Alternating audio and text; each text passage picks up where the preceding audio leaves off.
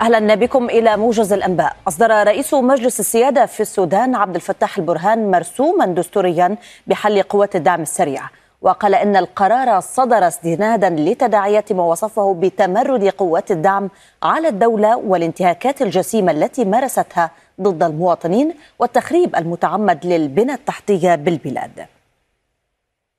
وقال البشط بيق عضو المجلس الاستشاري لقائد قوات الدعم السريع في مقابلة مع الجزيرة قال إن قوات الدعم السريع لا تعترف بقرار البرهان بحلها ووصفت بيق القرار بغير الدستوري وغير الملزم لقوات الدعم السريع.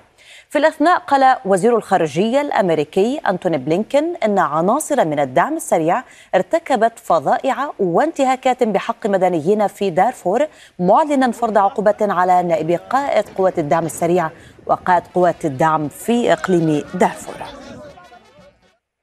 دانت الهيئة الحكومية للتنمية إيجاد في بيان من قمة الآلية الرباعية الحرب في السودان ودعت الأطراف المتحاربة للوقف الفوري لجميع الأعمال العدائية.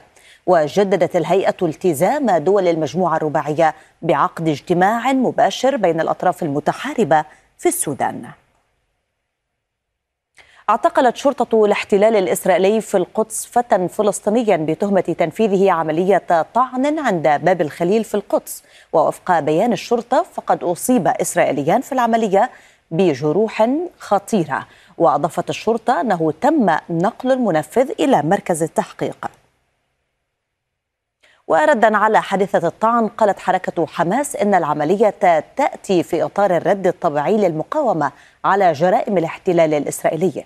بينما قالت حركة الجهاد الإسلامي إنه من حق الشعب الفلسطيني التصدي للعدوان والرد على جرائم القتل وانتهاك الأعراض من قبل جنود الاحتلال.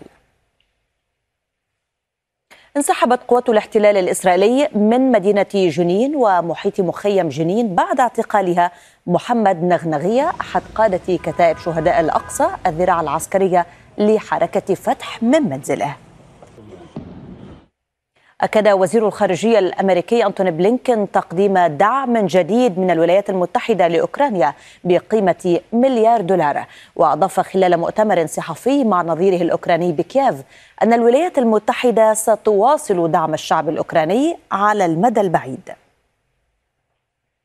هذا ونقل مراسل الجزيرة في البنتاغون عن مسؤول دفاعي أمريكي قوله إن القرار اتخذ بتزويد أوكرانيا بذخيرة اليورانيوم المنضب الآن كي تكون جاهزة للاستخدام متى تسلمت كييف دبابات أبرامز وهو أمر متوقع في الخريف المقبل لكن الموعد النهائي لم يحدد بعد. وقد أعرب وزير الخارجية الأوكراني ديمترو كوليبا عن امتنان بلاده للدعم الأمريكي منذ بدء الحرب وأشار إلى ضرورة زيادة الدعم في أنظمة الدفاع الجوي.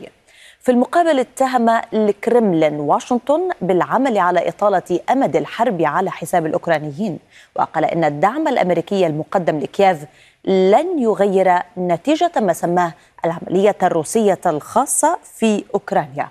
وأضافت الرئاسة الروسية أن واشنطن تدفع بأوكرانيا إلى حرب حتى آخر أوكراني من خلال مدها بكل الوسائل الممكنة. ختام الموجز إلى اللقاء.